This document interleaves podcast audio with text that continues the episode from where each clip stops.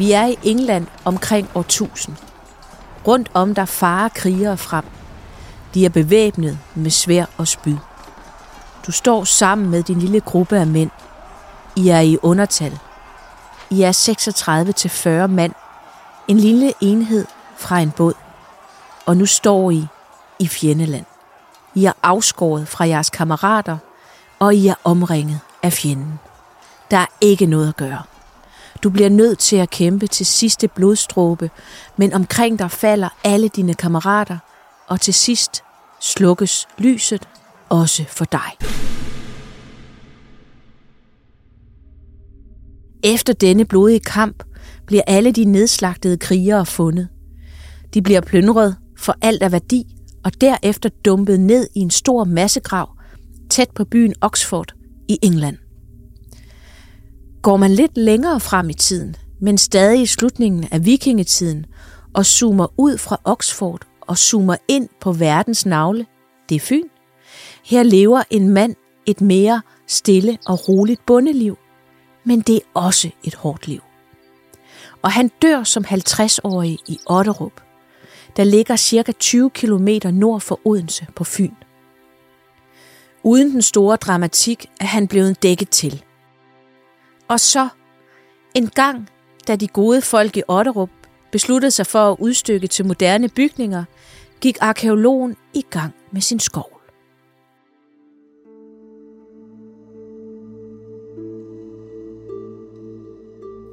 I vikingetiden levede man et hårdt liv. I dag kan man argumentere for, at vi lever et maligt og behageligt liv. Krig og vold er fjern for os i dag. Det kommer tæt på via nyhederne i fjernsynet. Men hvis du går uden for din hoveddør, har vi et mere fredeligt liv. I dag er det mest de professionelle soldater, der er trænet til opgaven, der går i krig. Og det er ikke lige din baghave, at de slås. Men livet i vikingetiden, det var fuldstændig anderledes. Det var et hårdt liv, og det var et liv fyldt med risiko. Du vidste, at der var noget på spil, og at det kunne koste dig livet. Vold var en del af hverdagen. Her var det oftest helt almindelige bønder, der drog i krig, enten fordi kongen kaldte, eller fordi man drømte om noget større og bedre end det, man havde derhjemme. I dagens historie dør to mænd hundredvis af kilometer fra hinanden, og ingen af dem kunne undgå krigen eller volden i vikingetiden. Velkommen til Varbergs Danmarks Historie. Mit navn er Jeanette Varberg. Jeg er museumsinspektør, arkeolog og forfatter. Og i denne podcast vil jeg, sammen med nogle af Danmarks dygtigste historikere, arkeologer og eksperter, fortælle om de mest fascinerende ting i Danmarks historien, som du skal kende for at forstå det samfund, du lever i i dag. Og denne sæson kommer til at handle om vikinger. Du har jo nok lagt mærke til det, men sporene fra vikingerne er overalt. På din stryns steg, dansk fodbold merchandise, stoplyset i Aarhus, og ja, så udgør de en kæmpe del af vores populærkultur i dag. Og jeg selv er faktisk også en stor fan af vikingerne. Jeg har sågar skrevet en bog om den. Men hvorfor? Hvorfor fascinerer de os så meget? Hvad var det for et liv, de levede? Og hvad kan de lære os i dag? Det er spørgsmål, som jeg i denne sæson vil prøve at svare på med de vildeste vikingehistorier, som jeg kan grave frem. Vi skal nemlig tilbage til en tid, som var fuld af eventyr, krige, venskaber og alliancer, som gik langt ud over landets grænser, samt banebrydende teknologier, som gjorde det hele muligt. Vi er vant til at høre historien fortalt ud fra konger og stormænds bedrifter, men i dag skal vi høre historien om to helt almindelige danskere, to slægtninge, som er blevet adskilt og derfor lever to vidt forskellige liv i vikingetiden. I denne episode vil jeg fortælle dig om en bonde, der går og pløjer sin mark og passer sine dyr på Fyn, mens en kriger i England kæmper for ikke at blive slået ihjel i en massakre.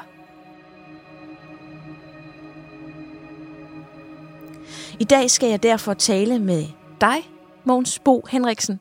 Du er museumsinspektør og arkeolog på Odense Bys Museer, og så har du været med til at udgrave en af de grave, vi snakker om her. Velkommen til. Tak skal du have. Jeg kan jo ikke lade være med at, øhm, at, at registrere, at du øhm, simpelthen har en skjorte, hvor der står står der arkeologi eller arkeolog? Arkeologi. Arkeologi. Så er man ikke i tvivl om, det er en dedikeret arkeolog, man har med sig i studiet. Det kan du være helt sikker på. Jeg er i hvert fald meget glad for at have dig med i dag. Jeg er også glad for at være her. I dag så skal vi tale om, om to grave, som hver især indeholder en, øh, en mand fra slutningen af vikingetiden, som viser nogle ret spændende aspekter af, øh, af, af den tid, de levede i. Og, og som jeg sagde øh, i introduktionen, det der også er, synes jeg er fascinerende ved dem, det er, at vi har med almindelige mennesker at gøre. Det er ikke de her konger, der har tegnet historiens store linjer. Det er dem, der, føl, der, der ligesom levede under deres styre. Men øh, kan du kort fortælle os, hvad det er for en to fund? Den ældre mand fra, øh, fra Otterup blev fundet i forbindelse med en øh, arkeologisk øh, øh, udgravning, som vi lavede for Odense Bys Museer for en del år siden i forbindelse med, at der skulle udstykkes et boligområde. Og vi vidste faktisk godt, eller havde godt på fornemmelsen, at øh, der kunne være noget arkeologisk interesse på stedet. Øh, lokaliteten bare navnet Galjedil, og det betyder jo Galjebakke. Øh, det kan vi se helt tilbage på det ældste kortmateriale fra starten af 1800-tallet, så man har altså haft en fornemmelse af, eller en forestilling om i lokalsamfundet her, var der en tidligere henrettelsesplads. Men da vi begyndte at foretage udgravningen, kunne vi godt nok se, at der var masser af skeletter, der var gravet ned. Vi kunne også se spor af omfattende øh, grusgravning på stedet, og vi tror derfor, at da man har gravet gruser i 17. og 1800-tallet, så har man også stødt på de her utrolig velbevarede skeletter. Og så er den her forestilling om, at det var en gammel henrettelsesplads, den er blevet bygget op. Men vi kunne jo straks se, at øh, flere af de her begravede, de lå med øh, deres personlige udstyr, smykker og redskaber, øh, og det helt klart var genstanden fra vikingetiden. Så den her mand, han var altså begravet på det, vi må antage har været familiens øh, gravplads, som har været i brug igennem hele vikingetiden, fra starten af 800-tallet og til øh, langt ind i, øh, i 1000-tallet. Og i løbet af de her ja, over 250 år, der har der været begravet øh, mere end 65 øh, individer på, øh, på stedet her. Så det er sådan slægt efter slægt, der har lagt deres døde til hvile på, på grusbakken. Så dem, der bor på Pileurten, den nye anlagte vej i Otterup, de bor faktisk oven på en gammel vikingetids begravelsesplads. De bor ovenpå, den, det er vel nok nærmest den største vikingetidsgravplads, vi kender på, øh, på selve Fyn. Ja, det gør de. Øh, og i øvrigt på et sted, hvor man har boet helt siden øh, stenalderen. Så det, det sidste, der ligesom sker på det sted, det er, at man gravlægger i vikingetiden, og så bliver marken dyrket, og så går der næsten 1000 år før, ja, så bliver der boplads på stedet igen. Mm. Altså nu er du jo lokalkendt, ikke? Har du hørt noget om nogen poltergeist i det område der?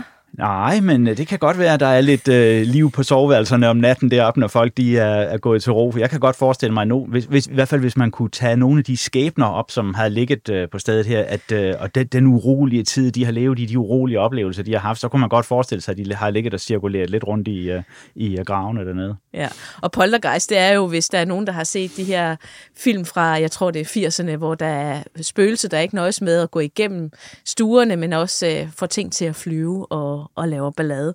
Men jeg kan ikke lade være med at tænke på selv, når, når jeg som arkeolog bosætter mig, så er der lige opmærksom på, hvor jeg bosætter mig henne. Altså, bare for at være på en sikre side, at er sikker på, at der har boet mennesker i lang tid, og så vil jeg nok have styret udenom den der vikingegravplads jeg vil jo synes, det var fantastisk at bo et sted med, med sådan en fantastisk drabelig historie øh, nede under. Og det, og det, man må jo ikke sige, at jo i store dele af Danmark, der, der har der foregået noget på et eller andet tidspunkt i oldtiden, så det er svært at, at ramme udenom, kan man sige. Og jeg tænker, hvis der er en god historie, så er det også et godt sted at bo. Så du vil altså simpelthen, hvis du hører noget pusle, så vil du tage en kop kaffe og sætte dig i stuen og vente på og se, om der kom sådan en, en genganger? Jeg vil da vente og se, jamen jeg fik noget viden, som jeg ikke havde forvejen. Det, det er sådan en rigtig arkeolog gør. Øh, vi skal tilbage til, øh, til England, fordi nu har vi jo ligesom sat rammen for, hvad det er, hvor vi har fundet det her, øh, øh, den her mand i 50'erne i Otterup på Fyn. Nu skal vi til Oxford. Øh, her der er udgravningen jo lidt anderledes, øh, men det er faktisk på St. John's College, som er en del af, af det store øh, universitet, der ligger der, at man skulle grave ud der, og så lige pludselig vælter knoglerne op. Så der var ikke så langt hen til arkeologerne, det var heldigt nok. Øh, og, og det, der er der sker i England på det her tidspunkt, vi er jo i, i starten af 1000-tallet, og vi er i slutningen af vikingetiden, og man kan sige, at der har siden vikingetidens begyndelse været angreb mod England. Først i form af plyndringstogter, så kommer The Great Heathen Army, eller The, Great, uh, The Mikli Hedi, den store her, som kommer i 865, også primært fra Danmark, og invaderer England og tager store dele af halvdelen af England cirka, det der hedder Daneland men efterhånden bliver det overtaget igen af englænderne, men der er helt klart en, øh, en befolkningsgruppe, som er dansk og, og også lidt norsk i området. Men i slutningen af 900-tallet, så har vi jo en konge, der hedder Svend Tveskæg, som kommer med hele sin øh, flåde og begynder at tage sølv i, øh, i England, fordi der er en skrøbelig politisk øh, situation. Vi har en konge, der hedder Ethelred den anden. Han får af historikerne et tilnavn, den rådvilde, eller den, der ikke kan finde ud af at regere. Det er faktisk det, det betyder. Og der er sådan en, øh, en gammel passage, øh, skrevet, skrevet ned senere, men hvor der er en historiker, der skriver, at den lille Æselred som spæd, da han skulle døbes, så sked han i dåbsvandet, og det tegnede ilde for Englands fremtid.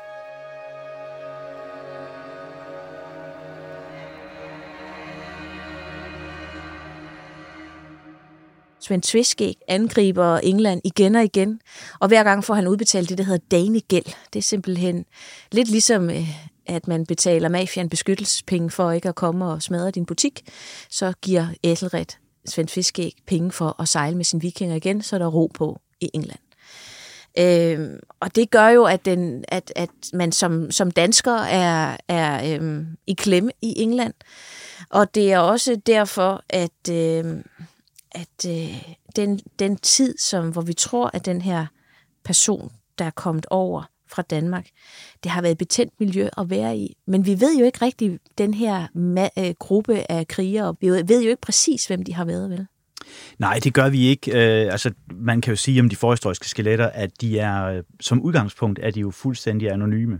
Og det er de jo især i et tilfælde her, hvor de ligger i en massegrav, hvor man har plyndret dem sådan rigtigt. Man har, har, har fjernet alt, alle personlige insignier øh, fra dem. Men, øh, men i dag er vi jo i stand til med naturvidenskabelige øh, analysemetoder at komme ind og kigge på selve skelettet øh, tæt på, og faktisk få, øh, få skabt en person ud af skelettet, i hvert fald et godt stykke hen ad vejen. Øh, og det er jo, det, det er jo det, en af de ting, der er helt fantastisk ved arkeologi, det er jo, at øh, hvor man tidligere kun beskæftigede sig med genstande, våben og smykker og mønter og hvad det nu var, så benytter vi os jo i dag af samarbejde med en hel række øh, af naturvidenskaber, som kan give os et helt nyt indblik i de individer, der har levet dengang. Og øh, noget af det første, man kan slå fast, det er jo, hvor gammel var individet? Hvor stor var han? Hvordan var hans øh, statur? Hvordan var hans helbredstilstand? Ja. Men også, øh, hvor kom han fra? Øh, det kan man også øh, undersøge i dag ved hjælp af det, man kalder strontium-analyser, hvor man borer noget ud af tændernes emalje og kan se på sammensætningen i grundstoffer, hvor er vedkommende her øh, vokset op henne. Og det er derfra, man kan se, at det er skandinaver, der ligger der, eller hvordan? Ja, det er det. Det er, det er af de her strontium-analyser, som, som giver et, et hint i den retning. En anden vigtig ting, man kan, om man så må sige, bore ud af knogler og tænder, det er viden om den kost, man har fået. Øh, det er sådan, at øh, hvis man spiser kost fra landjorden, så får man en signatur eller en form for mærke i, øh, i knogler og tænder. Hvis man spiser føde fra havet, så får man en anden sammensætning i knoglerne. Så der kan man også få et indtryk af, at det er en, der har levet i et fiskersamfund, eller en, der ja. har levet i et bondesamfund. Og hvad var det så for din verden, at ham her der ender i massegraven, han er vokset op i? Altså, for det første så peger det jo på, at han kommer fra, fra det nuværende danske øh, område, danske landskab.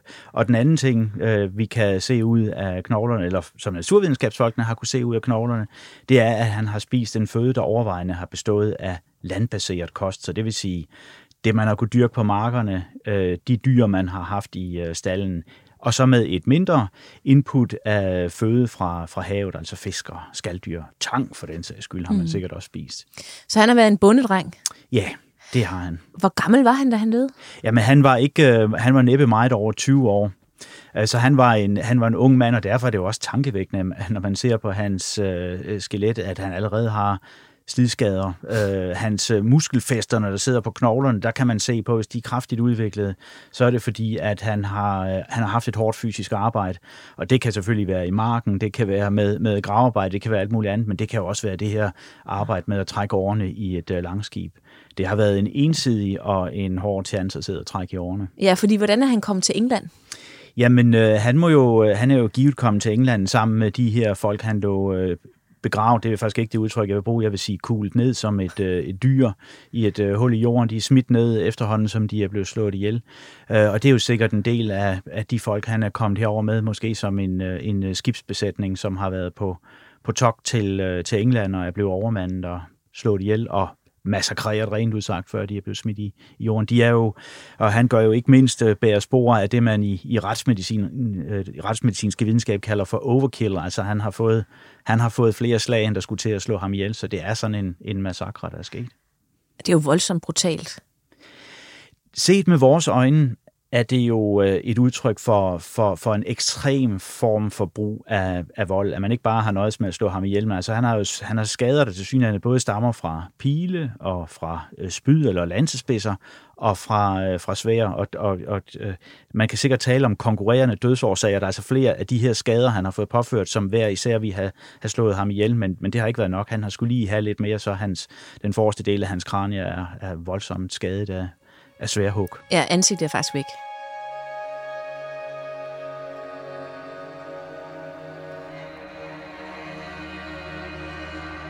Har vi nogen idéer om, hvad, hvad det kunne være for nogle slag, han har deltaget i? Ved vi det?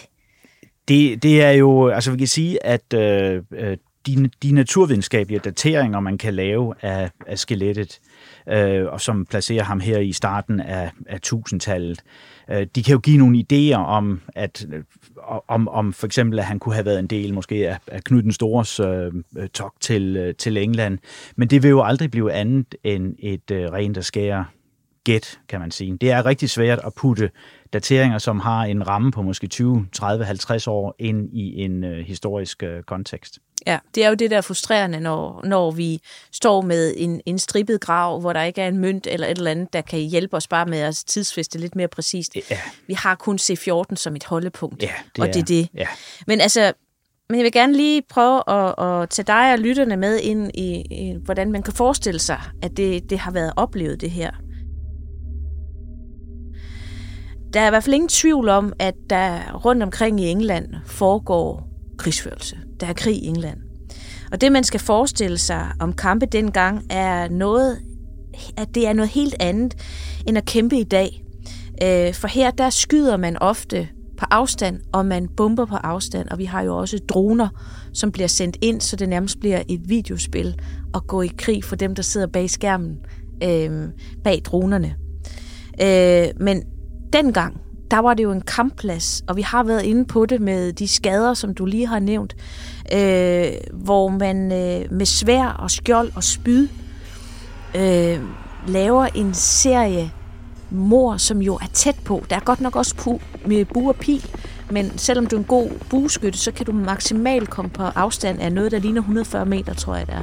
Du er nødt til at have visuel kontakt med objektet. Det bliver du nødt til, ja. og du bliver nødt til at komme tæt på dine men- de mennesker, som du har tænkt dig at dræbe. Mm.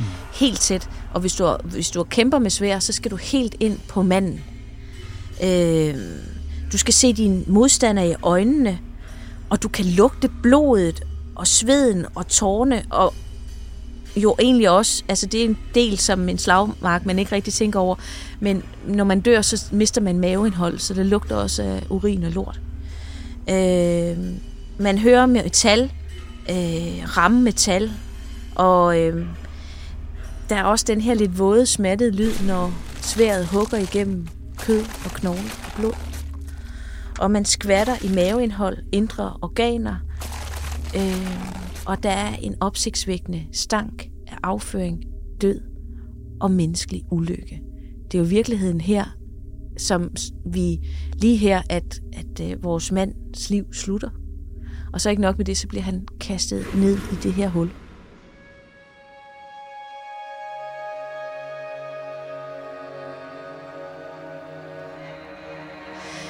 Jeg ved, at vores engelske kollegaer har jo en teori om, hvor det her, den her massakre, den er foregået, hvorfor den er foregået i Oxford. Og det er det, der hedder Danemordet øh, på St. Bryce Day. St. Bryce Day, den finder sted øh, den 13. november 1002.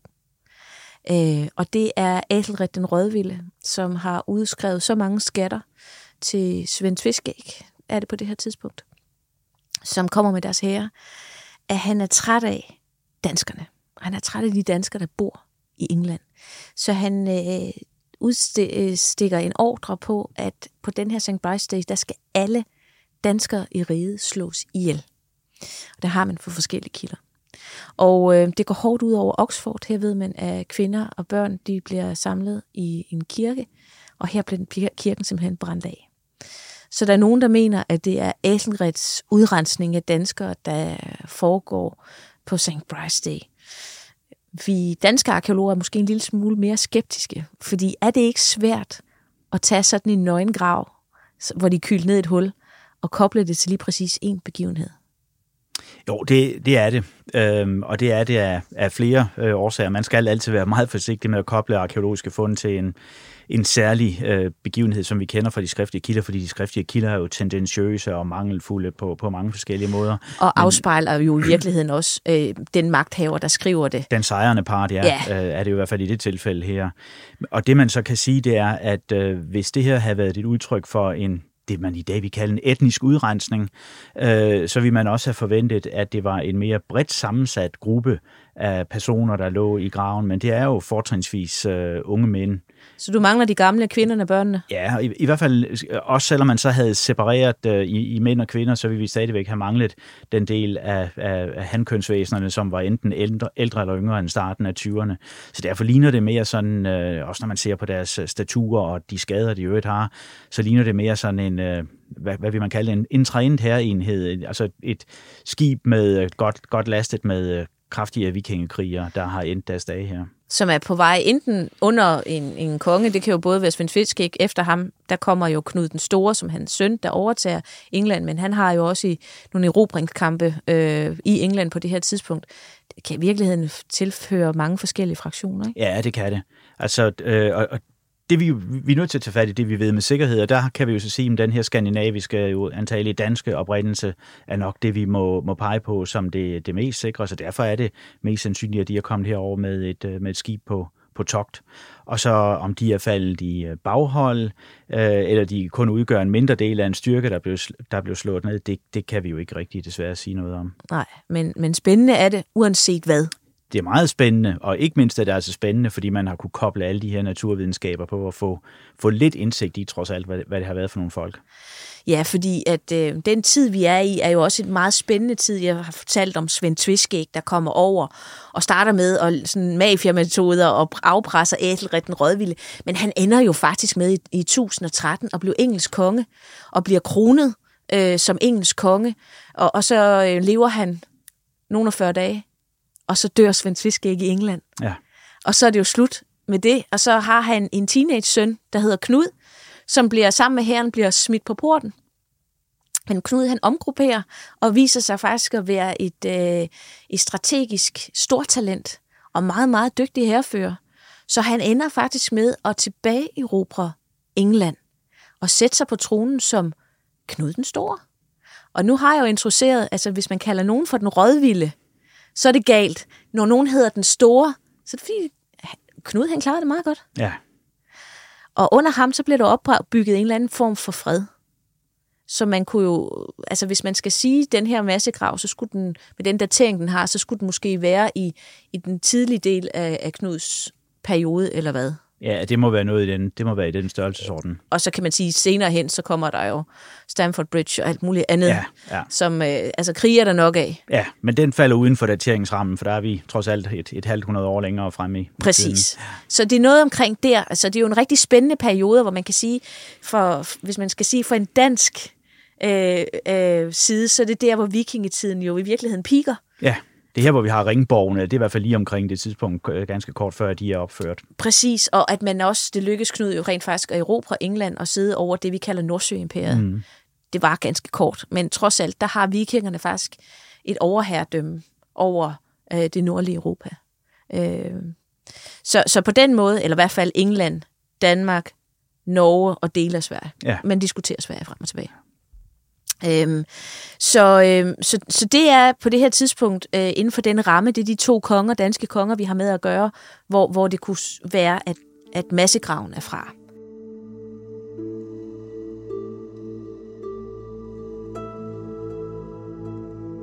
Men så skal vi jo tilbage til Fyn. Mm-hmm. Og vi skal tilbage til din bonde, har jeg lidt, lidt lyst til at sige. Ja. Og, og hvem er den her mand?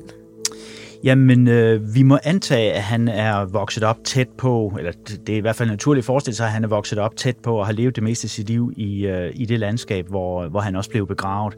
Der er ikke noget, der peger på, at han ikke skulle gøre det, fordi så ville man nok også have kunne se det på knoglerne. Og der er rent faktisk nogle af dem, der er begravet på den her gravplads, som man kan se kommer et andet sted fra, og det er måske nok fra det skandinaviske, nordskandinaviske område, hvor jordbunden har en anden sammensætning på grund af forekomster af bjerge og sådan nogle ting, okay. som altså har sat spor i, Men, hvor, i knoglerne. Og hvad, hvad siger det om, om det sted, at der er folk udefra? Jamen, øh, det fortæller os jo, at øh, de her folk, de har ikke kun været, øh, skal vi sige, haft et syn, der har været begrænset til det nærmeste omegn af, hvor de har boet. De har været en del af et, et globaliseret samfund, hvor man havde kontakter langt væk, og det er jo også det, vi jo ikke kan se i det arkeologiske materiale fra den her tid, at man har øh, arabiske sølvmønter fra øst, ikke? også vi har plyndringsgods fra, fra, fra, fra, fra de britiske områder i, i vest, vi har mønter og, og smykker ned fra det karolingiske øh, område mod, mod syd. Og vi altså, har, når du siger det karolingiske øh, område, så skal jeg lige have lytte, ja, vi, lytterne nu, med, ikke? Nuværende Tyskland og Frankrig især, tak. ikke også? Øh, øh, og vi har jo øh, eksempler på øh, sten, øh, man har importeret fra Norge for eksempel. Øh, så, så man har altså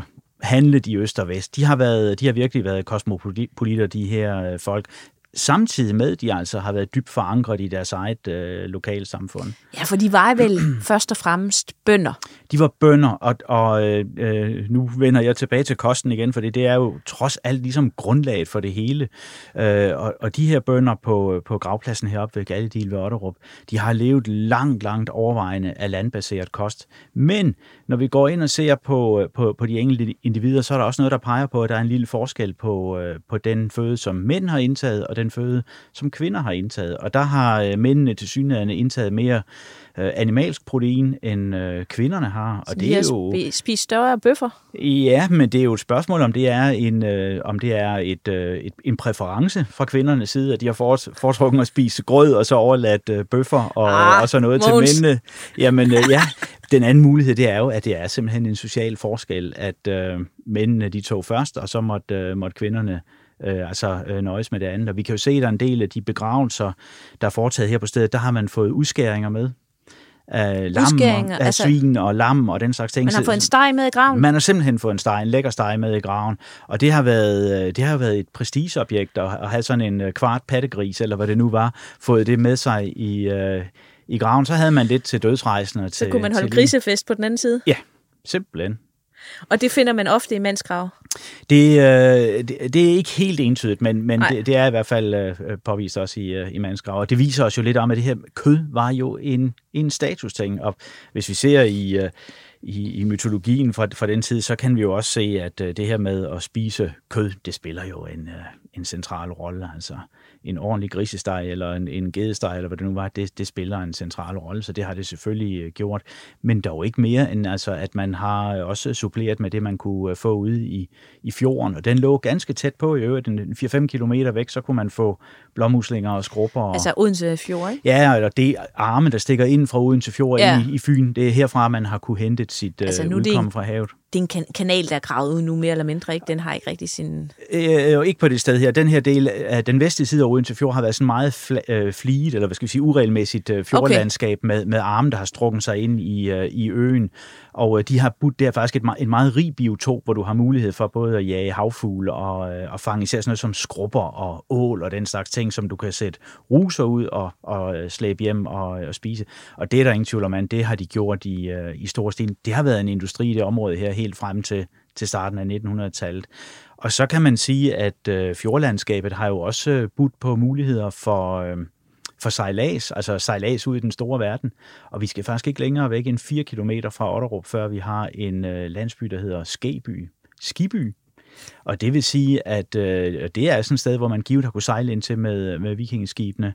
Så der har vi måske at gøre med en flådehavn, og man kan jo ikke helt lade være med at tænke den tanke, at øh, det her fra, man er draget ud på, på togter øh, til den store verden. Og, og så er det jo mig, der skal lave den frække øh, journalistiske stramning og sige, du er derfra, derfra, at den her det her skib skibede ud, som mødte døden i Oxford.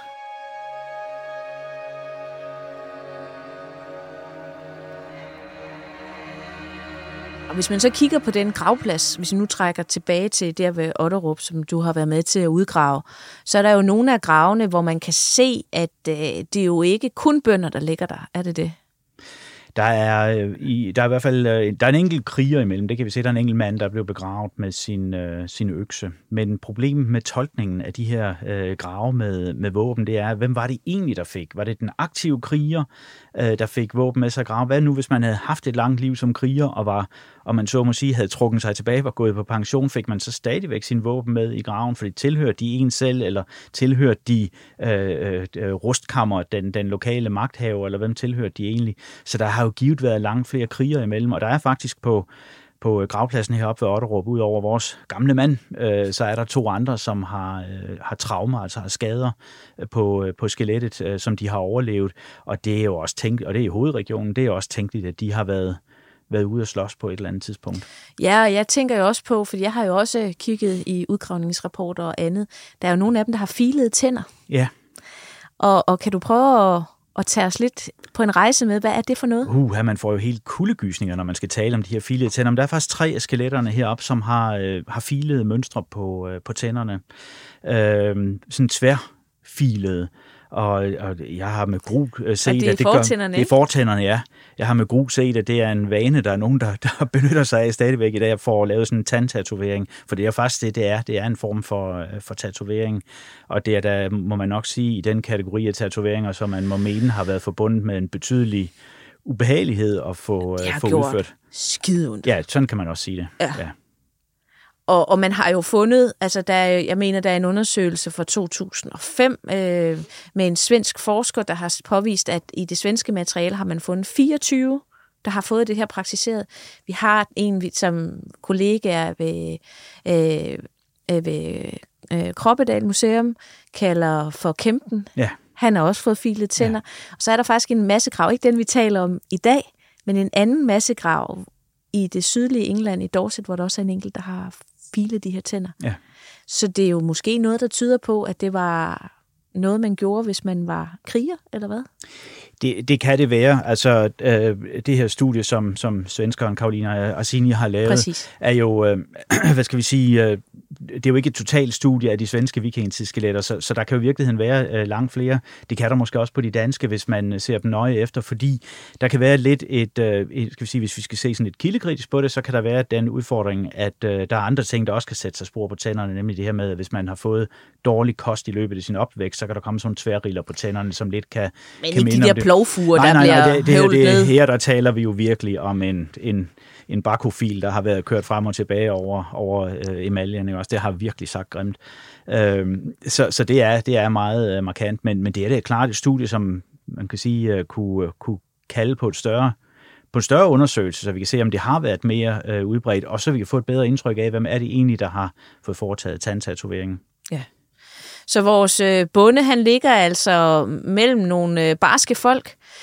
Du har været inde på det før, men, men øh, kan du ikke lige igen øh, tage mig igennem, hvad hans skelet, hvad er det for, har han haft, hvad er det for nogle sygdomme, hvad det er for noget, der har sat sig spor på hans, hans krop? Altså, hvordan har livet formet hans skelet? Lad os sige sådan. Man, man kan sige det på den måde, at hans øh, skelet har en biografi. Det fortæller hele hans egen biografi, fra han er blevet født og til han øh, er død. Øh, og øh, nogle af de, af de sygdomme, som ligesom sætter sig spor på knogler og tænder, de viser, at han har ikke fået tilstrækkeligt med næring og ikke tilstrækkeligt med, med vitaminer. Det kan sætte sig forskellige spor, for eksempel ved øh, i emaljen på tænderne. Det kan sætte sig spor ved, at øh, øjenhulerne, det, det, det knoglevæv, der sidder inde i øjenhulerne, det kan blive sådan svampet og porøst. Det bliver, det bliver delvis øh, nedbrudt.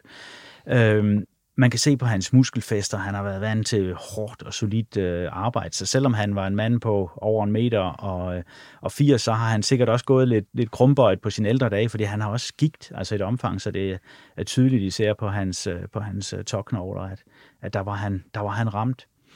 Øh, så han har, været, han har været et sløjt liv, og, og så skal man tænke på, at han har været en mand i en forholdsvis høj, høj alder på, på det tidspunkt, hvor Mm. han afgår ved døden. I dag synes man jo ikke, at lidt over 50 er noget, men det Ej, det har er de nye 30'ere, Måns. Ja, det er det nemlig. Det er vi jo nogen, der er nødt til at sige. Øh, Men, men i vikingetiden, der har det altså været en, øh, en forholdsvis høj alder at, at nå øh, så langt. Og undervejs, der har han allerede en gang været ramt af en, en, en voldelig øh, episode, som har sat sig spor på knoglerne, som han dog har overlevet. Og så ender det altså alligevel med til sidst, øh, da han dør, at øh, han falder for svært eller noget andet, der hugger ind i, i ryggen på ham. Eller bækkenet. Ja, Han har fået et svær i bagdelen, ikke? ja. Og det er, altså, jeg tænkte jo, da, da jeg først hørte om, om, om hans biografi, at her har vi jo egentlig en, en fortælling om, om en bonde, som i virkeligheden også nogle gange har været kriger. Kan du prøve at fortælle, hvad det er for et samfund, han har indgået i, hvor, hvor volden har været så tæt på?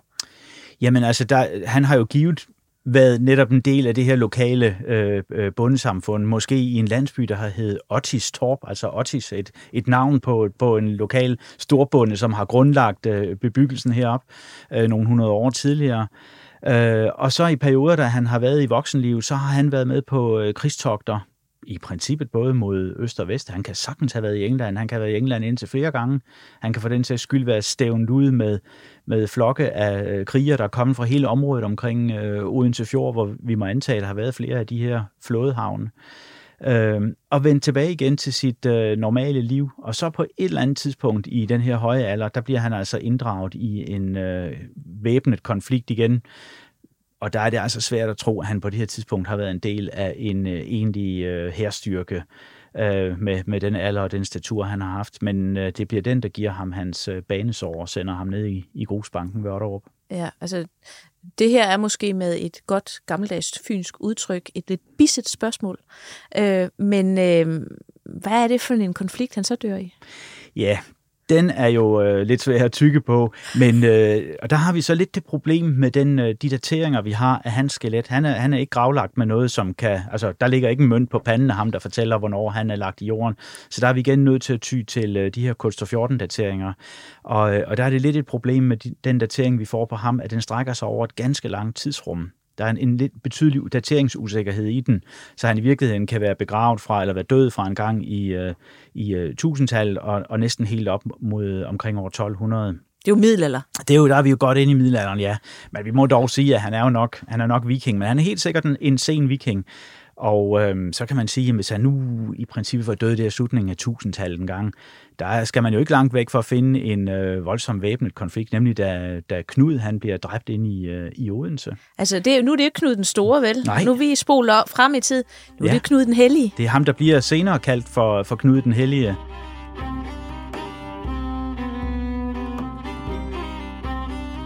Men kan man kan i hvert fald konkludere, at det har været en, en, en, en tid med mange konflikter ja. og mange voldelige sammenstød. Ja, det er sådan, at, øh, at man kan sige, at vikingetiden har jo været et, øh, der har været en kæmpe stor voldsparathed i det her samfund.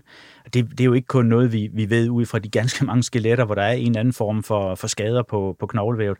Og så skal vi jo hele tiden huske, at vi ser jo kun dem, hvor der er decideret sket skader på knoglerne. Ja. Hvis man kun får skader på bløddelene, hvis man får bare lukket mavesækken op med en kniv, så, så sætter det sig jo ikke nødvendigvis spor på, eller, eller skåret halsen over. Ja, det der, eller hængt for den sags skyld, det ser man ikke. Men, men, men voldsparatheden har været stor.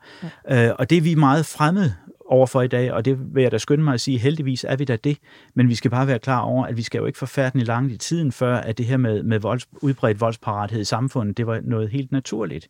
Altså, øh, vi skal ikke meget mere end 100 år tilbage, før det var tilladt for, for hvad hedder det, øh, bunden at slå sine ansatte, øh, også når de var voksne. Øh, vi skal jo helt frem til 90'erne, før det bliver øh, decideret forbudt for forældre at slå børn. Og så det, det, det afspejler sådan en aftrapning af voldsparatheden. Men altså, hvis vi bare når 200 år tilbage, så har det været helt anderledes øh, udbredt i samfundet. Og når vi er tilbage i vikingetiden, må vi antage, at volden har simpelthen været det har ikke været sådan det, det ekstreme sprog, det har været en naturlig forlængelse af det, af det talte og, og symboliserede sprog i samfundet. Så når vi har den her bunde foran os, og vi kan se, han har et ophelet hug på nakkevivlerne, så vidt jeg er orienteret, ikke? Ja. Og så har han, men han er også syg. Ja. Det kan man se på lungerne, eller på ribbenene, ikke? Ja, på, på, dels på ribbenene og dels på nogle øh, kalkaflejringer, som kan stamme fra, fra hans lunger, at han øh, på et eller andet tidspunkt, og det kan jo sagtens have været i hans senere dage, har haft øh, svær lungebetændelse eller måske endda øh, tuberkulose. Ja, tuberkulose, det er jo en, altså, det er en bakteriesygdom, som sætter sig i lungerne og stille og roligt gør dig sværere og sværere og sværere. Indtil den tager livet af dig, ja. ja. Øh, øh, I langt de fleste tilfælde i hvert fald, øh, hvis man ikke får medicinsk behandling, som man jo først har været i stand til i, i nyere tid. Og, og, antibiotika. Ja, ja, og de her øh, sygdomme har jo været øh, udbredte i samfundet, hvor, øh, hvor skal vi sige, indeklimaet har været, har været sløjt, og hvor man har boet meget tæt på hinanden. Man har jo simpelthen sådan et øh, begreb inden for medicinen, det hedder the sneezing distance, altså det her med nyseafstanden, den har stor indflydelse på, hvor, hvor let man bliver påvirket af de her smitsomme sygdomme. Og de har nyst og hostet hinanden lige ind i bæret, inde i de her øh, vikingetidshuse i stor stil. De har delt den samme kop og det ene og det andet, så det er altså bakterier og utøj har haft øh, kronede dage i øh, storhallerne fra vikingetiden. Men det, der, men det, der tog livet af ham, det var ikke lungebetændelsen. Det var svært. Det var svært. Ja. Og øh, der kan være mange årsager, fordi nu vi har jo snakket lidt om, at øh, helt teoretisk set, så kunne han have været en del af den konflikt, der foregik der øh, knap 20 km væk ind i Odense i 1086. Men en anden mulighed er jo, at øh, det var et spørgsmål om ære. Han har været i en konflikt med en anden i sit lokalsamfund eller i nabobyen om et eller andet. Øh, det og kender vi jo fra de islandske sager, at det er jo en lang blodhævn. Blåhaven hedder det på fynsk, ja. Det har de haft i, det har været udbredt øh, øh, givet. Så måske har nogen gået hans ære for nære, og så ja. har han øh, tænkt, den gamle vikingekriger, jeg kan sagtens stadigvæk øh, trække svært og øh, slå øh, ham der op fra øh, Nisted, eller hvor det nu var ham den anden, han kom fra, og så er det altså bare ham, der har mistet livet i kampen her. Han har sagt, jeg vil have Blåhaven. Ja, jeg vil have Blåhaven, ja.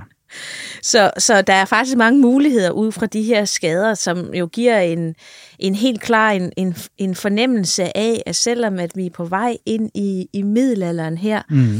så vi, har vi jo på ingen måde sluppet øh, den, den øh, voldsparathed, som du siger, der ligesom er, som vi måske mest forbinder med vikingetiden, men den følger jo mennesket ja. et stykke op i tid. Ja, der er i høj grad også inde i, i ældre middelalder, altså hvor man jo drager på på korstog og erobringstog i, øh, i, i Bibelens navn, men jo med det formål at, at omvende med svært. Øh, så så det, det fortsætter jo sådan set. Øh, det er business as usual. Ja, det må man sige, det er.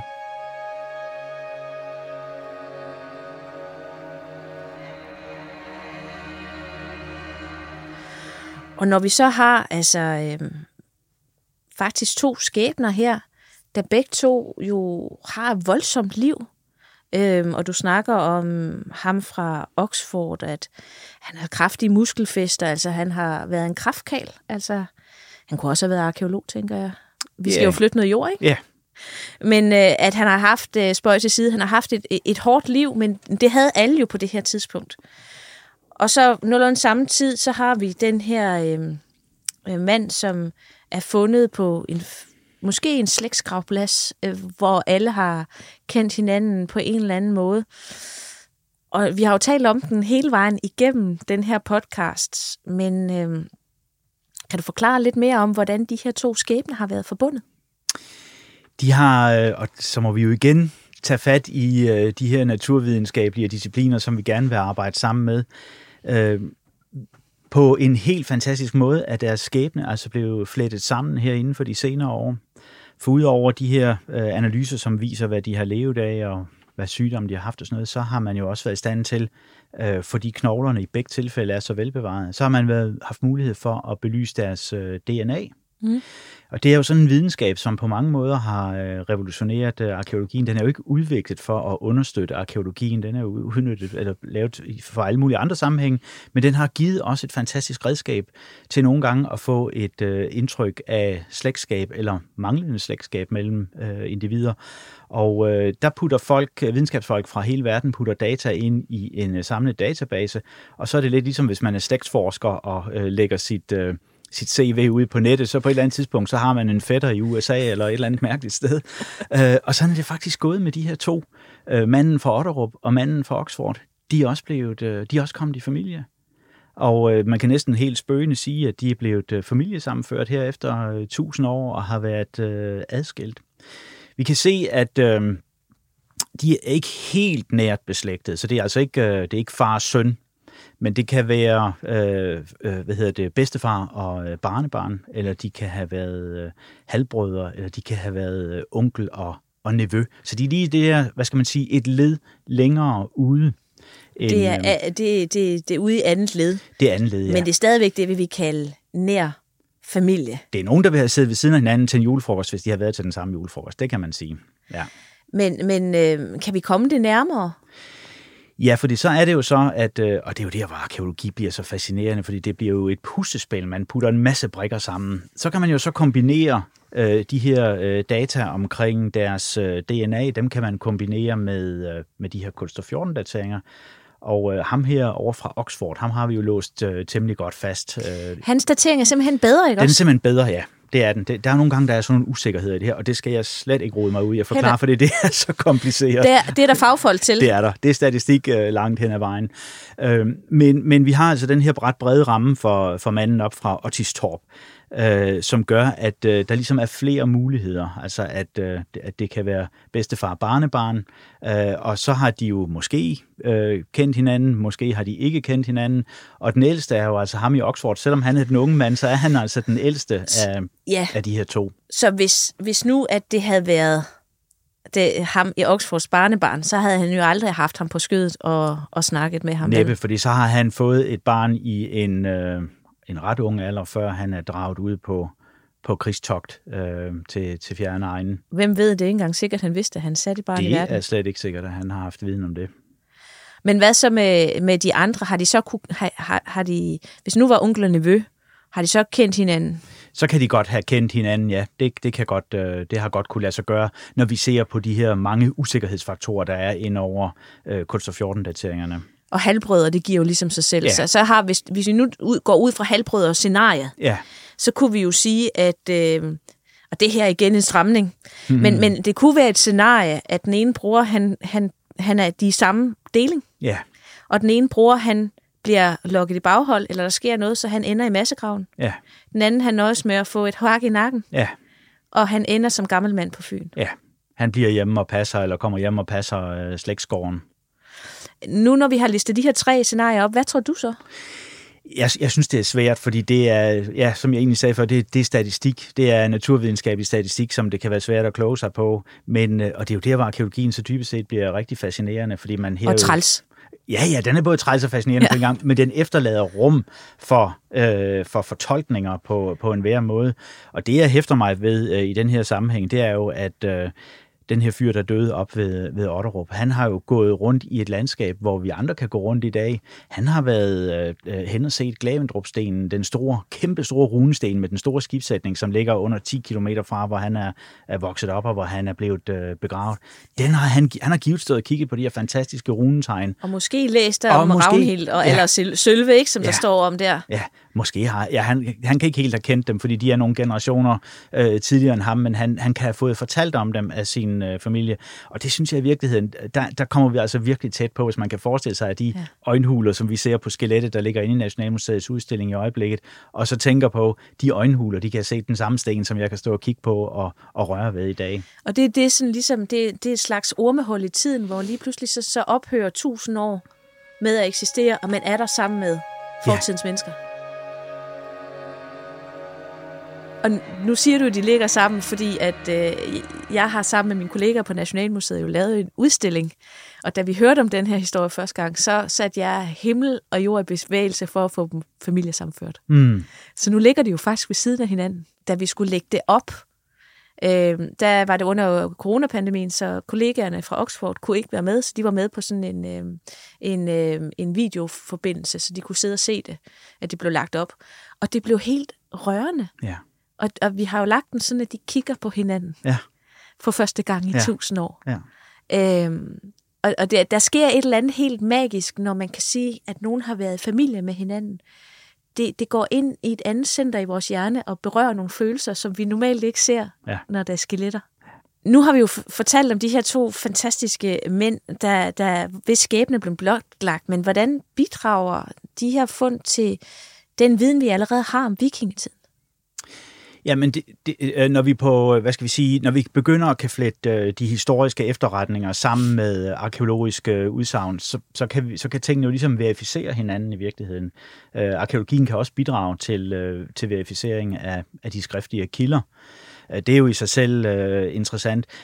Vi får hele tiden bevist det her med, at de har rejst frem og tilbage over Nordsøen. Det vidste vi godt fra de skriftlige kilder. Vi vidste det også godt fra det arkeologiske materiale. Nu er det altså nu, kan vi ligesom, nu har vi virkelig hardcore evidence for, at, øh, at det er sket. Øh, så, så man kan sige, at øh, arkeologien er jo en videnskab, som hele tiden er i, øh, i udvikling, og hvor man tidligere meget har haft fokus på, den, på de materielle læven, på, på, på den fysiske kulturarv, kan man kalde det, så er vi jo i dag meget mere interesseret i i virkeligheden det her med at komme ind og lave biografier af de enkelte mennesker, eller den gruppe, som de har tilhørt, øh, se dem som en mm. del af en, øh, af en social gruppe. Og der synes jeg, vi har fået rigtig meget ny øh, viden med os her. Men hvad kan det så, hvad, hvad kan vi bruge det til i dag? Altså, hvordan kan, kan det her særlige blik på vikingetidens slægtsforhold, kan det noget, vi kan bruge til i dag? Jeg synes jo, at vi kan bruge det til at øh, perspektivere vores syn på, øh, på vikingetiden. Altså vi har jo, og det, det har man jo ikke mindst for de her øh, serier, man kan se i fjernsynet, som, som præsenterer vikingerne på den ene eller den anden måde, se dem i ja, alt fra reklamer til, til, øh, til, til øh, hvad hedder det, romaner og den slags ting, at øh, vi kan se, at øh, det var et hårdt liv, de levede. Det var ikke kun de her sejrende krigere, der drog ud på togt mod, mod øst og vest, eller kun handelsmænd, som fragtede store mængder af værdier hjem. Det daglige liv hjemme på gården, det har været forbundet med en ikke helt ringe mængde udfordringer med at få kosten, og få ikke mindst den, øh, den rigtige kost, og man har været, skulle være parat til at stille op til øretæver i, en, i mange sammenhænge. Det har ikke været ualmindeligt, at man har mødt vold en eller flere gange i løbet af sit liv, som sat sig rent fysiske spor på kroppen, og så kan man bare forestille sig, hvad der også er foregået øh, inde i hovedet på dem. Det er jo i hvert fald noget af det, de her detaljerede studier af skeletterne kan være med til at, at fortælle os om. Men hvad kan vi så bruge det til i dag? Vi kan jo i hvert fald øh, bruge det til at, at sige, at det her med at tage afstand for den her voldsomme voldsomme vold, det er jo, øh, det er jo en god ting. De, de har haft et hårdt liv, de har ikke haft noget, på den måde har de i hvert fald ikke haft et, et godt liv. Øh, vi kan jo også bruge det til at, øh, at, at øh, hvad skal man sige, at øh, belyse, hvordan at, øh, at gruppeidentiteten i, øh, i vikingetiden og i dag har, har været givet to vidt forskellige ting. De her mennesker har været stærkt, stærkt forbundet med den her gruppe af mennesker, de har, øh, har boet sammen med. Det kan jo godt være, at det var noget, vi kunne, kunne lære en lille smule af i dag og, og tage til os, at, øh, at slægten og øh, familien her, det har været et, et fundament i livet. Familien først. Ja. Og med det så øh, vil jeg sige rigtig mange tak, fordi at du var med i dag, øh, Mogens Bo Henriksen.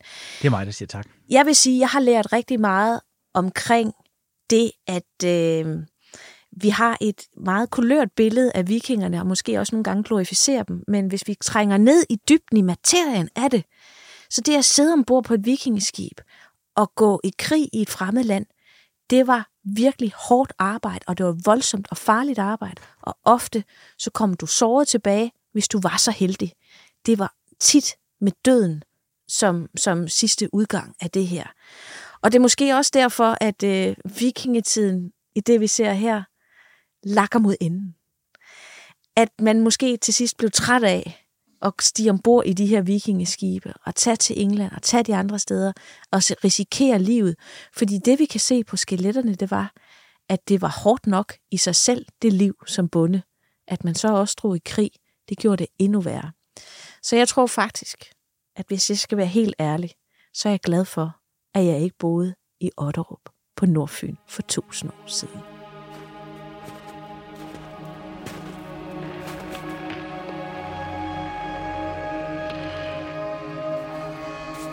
Mit navn er Jeanette Varberg, og du har lyttet til Warbergs Danmarks Historie, produceret af Jul og Brunse for Vores Tid og 24-7. Tilrettelagt og produceret af Luna Lam og Nikolaj Sørensen. Redaktør er Lukas Francis Klaver. En særlig tak til Mogens Bo Henriksen, som er museumsinspektør og arkeolog ved Odense Bys Museer. Find podcasten på 247.dk, vorestid.dk eller der, hvor du normalt finder dine podcasts.